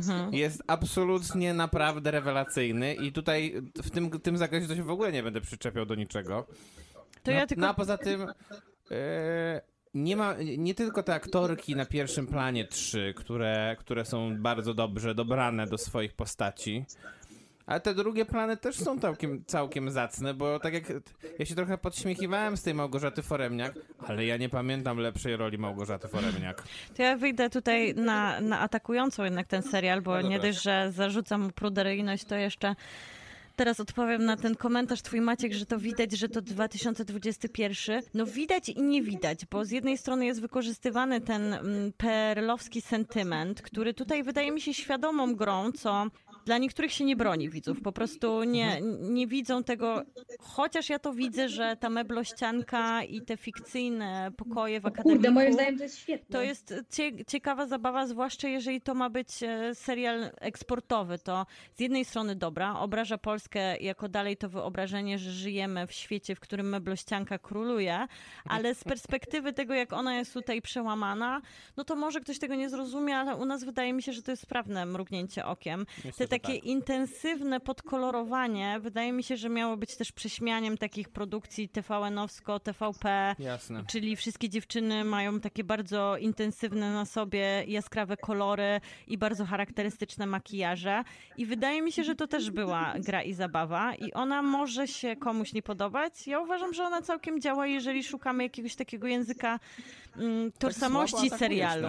No wiem, ale ja zaatakuję Natalię Dumałę, czyli Aleksandrę Skarbę. Ja bardzo szanuję e, świeży casting, co jest Mhm. super, że na pierwszym planie widzimy dziewczyny, no może Sandrę Drzymalską ostatnio trochę więcej widzieliśmy. No, e, okej. Marię Sobocińską też w takich e, drugich planach. Aleksandra Skarba jest e, zupełnie świeża na ekranie. I ona ci nie podeszła. I tak ona mnie powiem. tak irytuje, a jak irytuje nas główna bohaterka, to jesteśmy zmęczeni troszeczkę. Ja bardzo doceniam tutaj no, wspaniałą Ewę Szykulską O, i jak się, ma, jak się ma aktora takiego, to ja bym chciała, żeby każdy serial miał tylko polski takich aktorów, to to by się nie mogło nie udać. No i cudownego Jabę, czyli Sebastiana Stankiewicza, naszego wrocławskiego w sumie aktora, Tak który tutaj, no, ta dynamika tych postaci to jest po prostu zagranica, tylko w polskim wydaniu. Czyli po prostu tak charakterystyczne, od razu przykuwające do ekranu barwne drugie plany, no to jest, to jest siła. No ale później na przykład taki Zbigniew Zamachowski, to nie wiadomo, co tam robi do To nie jest końca. też tak źle. Natomiast e, to, zanim jeszcze Kasia się włączy, ja e, z tych trzech rzeczywiście można się zgodzić, że ta dziewczyna, jeszcze raz przypomnij, no, E, Aleksandra Skarba, Natalia. Jest, jest zdecydowanie najsłabsza z nich, ale to widać ze względu pewnie na to, że po prostu ma najmniej warsztatu i najmniej doświadczenia. Z drugiej strony to No, ale nie jest na to, pierwszym z planie, drugiej strony to nie jest powinni, argument. powinni ją poprowadzić lepiej. Natomiast e, to, co robi w tym serialu Sandra Drzymalska, to klekajcie narody. Naprawdę, e, w sensie ta jej bohaterka, która jest absolutnie największym chodzącym stereotypem z tych trzech. Tak. e, Momentami krzywdzącym mam wrażenie. zostaje poprowadzona przez nią i dzięki jej charyzmie do takich poziomów, że naprawdę po prostu ja czułem, e, czułem ten ból, który ona w sobie, który ona w sobie taki e, jakby trzyma, bo ze wszystkich stron jest w pewnym sensie atakowana, nikt nie jest w stanie jej wysłuchać. To, co robi tutaj Drzymalska jest naprawdę rewelacyjne. Świetne te aktorki na pierwszym planie, właśnie Sandra Drzymalska i Maria Sobocińska, Też. która jest polską Andrzej Plazą. Momentami po prostu wygląda jak ona, co jest fantastyczne, bo dodaje takiego zagranicznego kontekstu. No ale Kasia o tym powiedziała, tu się momentami suchar szerzy. I jest momentami recytacja. I tej recytacji to już by mogło nie być po serialu, bo jednak brak czasami takiej płynności dialogu, który zawsze już mamy w zagranicznym serialu, a tutaj coś jednak tak teatralnie, jak ze szkoły, jak z próby, no. No w Polsce tak się kręci niestety trochę, wciąż. Ja mam też trochę wrażenie takie, że wiecie, że my bardzo krytycznie podchodzimy do polskich seriali i polskich na przykład dialogów i że dla nas, jako dla Polaków, to wiele rzeczy brzmi cringe'owo, ale bardzo podobne rzeczy obserwujemy w zagranicznych serialach, tego właśnie nurtu Coming Age, e, Young Adult i się nie przyczepiamy do tego, bo to brzmi w innym języku, to wszystko brzmi jakoś tak lepiej. A pamiętajmy o tym, że właśnie przez to, że jakby mało, mam, mało mamy tej rozmowy o seksie i seksualności i mało mamy płynności w tych rozmowach, to one też dziwnie brzmią dla nas. Jakby te niektóre rzeczy dla nas brzmią dziwnie, bo my w ogóle w rzeczywistości o tym nie rozmawiamy i nie ma, tej, nie ma tych rozmów. Więc też mam takie wrażenie, to jest trochę taka moja uwaga, że, że może tutaj trochę wyrozumiałości bym, bym dała, oddała twórcom, bo właśnie brawo. no bo, no bo po prostu nie da się, jakby jeżeli my nie jesteśmy do takich rozmów przyzwyczajeni, to one nam na ekranie też dziwnie i cringe'owo brzmią, mimo że tak naprawdę no tak te rozmowy wyglądają często i, i tak jak mówię, no wciąż uważam, że niektóre suchary do wyrzucenia, ale też widzę tam taką, widzę tą próbę, próbę, żeby, żeby to uczynić, jakby te dialogi, żeby uczynić takimi żywymi, żeby, żeby to jakby trochę zbalansować to, żeby się udało. No, widzę, widzę te starania i doceniam te starania. Bardzo szanuję tą odbronę twoją, która wynika faktycznie z tego, że to by mogło mieć to zaplecze, żeby pokazać, że ponieważ nie umiemy, nie potrafimy rozmawiać o seksie, to też bohaterki i bohaterzy nie potrafią. No ale wydaje mi się, że to momentami są po prostu złe punchline'y, a, a nie, nie do końca jakby to, to było to zamierzenie. Pewnie tak jest. Z drugiej strony, jak, się, jak sobie pomyślisz o tym, że ci twórcy jednak tak naprawdę weszli na dziewiczą ziemię, to myślę, że całkiem nieźle się sprawdzi, szczególnie, że mm, to nie jest też takie oczywista rzecz, żeby, żeby wychwycić sposób mówienia y, tego pokolenia, z którego jednak Piotr Domalewski i Kalina Ala Brudzińska nie są do końca. No tak, no ale mamy tutaj ten, ten dualizm. Z jednej strony są młodzi ludzie i mówią językiem młodych ludzi, no a z drugiej strony są lata 70., więc z- zastanawiam się, jak No. to działa, ale chciałam też y, to, co Kasia p- powiedzieć, że Radzimir Dębski, czyli Jimek i ten jego wykorzystywanie właśnie tego trochę powrotu do meblościanki, czyli takich starszych kawałków w remiksie w- z takim bardzo dobrym, współczesnym, elektronicznym tempem i takimi remiksami tekstów, które powiedziały bohaterki, super.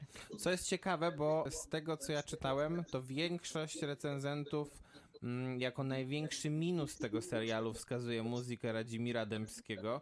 Ja nie wiem e, generalnie, co oni oglądali, bo jak, jak sobie przypomnę e, muzykę w polskich serialach, albo generalnie wręcz jej brak, albo robioną przez, przez współpracowników Patryka Wegi, myślę, Albo że... głośniejszą niż dialogi. Albo tak, dokładnie. To myślę, że Radzimir Dębski jednak no niemalże tutaj wyrasta na, jego muzyka wyrasta na takich dodatkowo, dodatkowego bohatera tego serialu.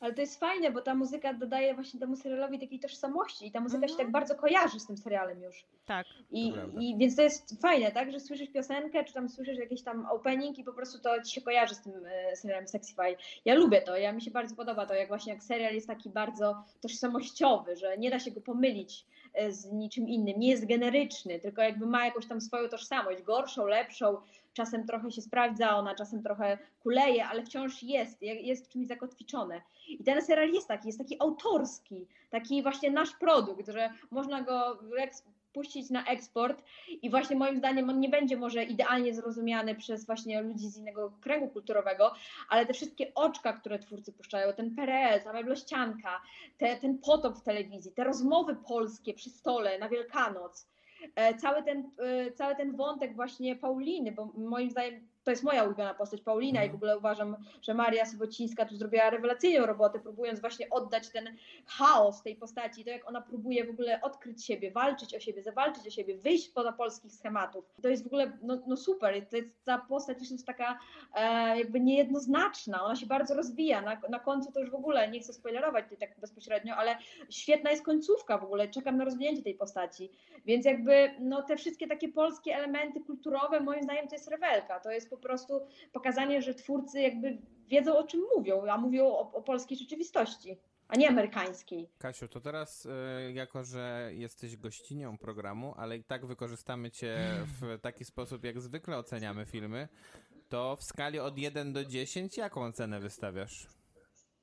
Hmm, siedem, siedem, siedem i pół, siedem. Nie ma Nie połówek, mamy nie ma połówek, połówek. bardzo żałuję Siedem. tego. Nie pozwolili, No. na, nie pozwolili mi na połówki. No to, no to jednak zostanę przy 7, tak? Przy 7, bo mam tam swoje uwagi, więc niech będzie 7 na zachętę. Miłka? No Maciek, nie wstydź się. Ja wystawiam z całą stanowczością 8 i myślę, że to jest naprawdę ten powiew świeżego powietrza w polskim serialu, którego, na który czekałem. To jest ciekawe, bo ja bym mu wystawiła po oglądnięciu 6, ale im dłużej o nim rozmawiam, tym bardziej wydaje mi się, że świadomym zabiegiem była ta cukierkowość, Tak. ten Mhm. brak problematycznych mm, bohaterów, który jest często zarzucany tu przez polskie krytykę, że no my przecież tutaj nikt nie ma problemów, no ale później sobie Ej, myślę, kurczę, że e, Paulina? Jak to nikt nie no ma ale w problemu? Sensie faktycznie w globalnym porównaniu z tym, co się dzieje w Coming Age of Story w serialach amerykańsko-brytyjskich, tam są takie problemy, że nasi bohaterowie nie mają żadnych, ale może czasami to też jest potrzebne, Ale żeby kurczę, opowiedzieć jakieś historie. serial Girl Power, jakby to jest chyba pierwszy taki. To jest bardzo Ta- ważne. Ta scena, gdzie one przedstawiają tą aplikację na, na tym konkursie, to jak ta Natalia wychodzi i mówi, jakie to było dla niej ważne, mówić o seksualności kobiecej w Polsce. Ja wiem, że to, to oczywiście jest przerysowane, jak najbardziej jest i jest cukierkowe, ale kurczę, no kurde, w końcu wychodzi kobieta, girl power, orgazm, kobieca przyjemność. My nie mamy takich seriali. My lubimy to w amerykańskich serialach, Lubimy. klaszczemy, a jak się Mhm. pojawia w polskich, to od razu, że o, prze, Tak. przerysowane i cu- cukierkowe. No ale ja, ja, ja tam potrzebowałam zobaczyć girl power w polskim wydaniu odnośnie seksualności. No i Moim zgoda. to- I, I ja dlatego pomoże. wystawiam 7 na 10, bo też wydaje mi się, że jeszcze na plus ten serial trochę zaprasza do swojego uniwersum. O. A żaden polski serial, poza może Watachą, e, który był po prostu trafną też e, spojrzeniem na to, że Polska to nie jest tylko mieszkanie jedno w Warszawie i jedna ulica, ale to są na przykład przepiękne Bieszczady, to tutaj to też jest jakieś uniwersum, do którego zos- zostaliśmy zaproszeni, a to chyba w serialach jest najważniejsze. Czy je kupujemy, czy nie, to już jest... E, no, dla każdego z nas do ocenienia. tak Ja je nawet troszkę kupuję. 7 na 10. Ostatnie zdanie na temat tego Zimka i tej muzyki. To przypomniało mi się teraz e, w sumie to, w jaki sposób on wykorzystywał te różne starocie muzy- polskiej muzyki. To, w jaki sposób została potraktowana piosenka Toxic w e, Promising Young No. Woman. Myślę, że myślę, że element kreatywności Jest. jest podobny. Na, I na podobnym poziomie. Kasiu, No to Kasi, dziękujemy. Tak, Kasiu, dziękujemy Ci bardzo za to, że, była, że przyjęłaś zaproszenie do Kinotoku. Bardzo proszę, było mi super miło z wami rozmawiać. Bardzo nam też było miło. Ciesz się wspaniałym słońcem, zakładam, że je masz. My tuż po Nie majówce mamy. dopiero je dostaniemy. Tak, Jak zwykle sobie pogoda z nas zażartowała. Dziękujemy Ci bardzo, Kasiu, i do następnego razu. Pa, pa. Dziękujemy bardzo za dzisiejsze dwie godziny z filmem i serialem. To był Kinotok. Zapraszamy serdecznie na kolejne odsłony co poniedziałek, we wtorek na wszystkich możliwych platformach. do Dziękujemy. Kinotok. Tuż przed wyjściem do kina. God damn, it's a pretty fucking good milkshake.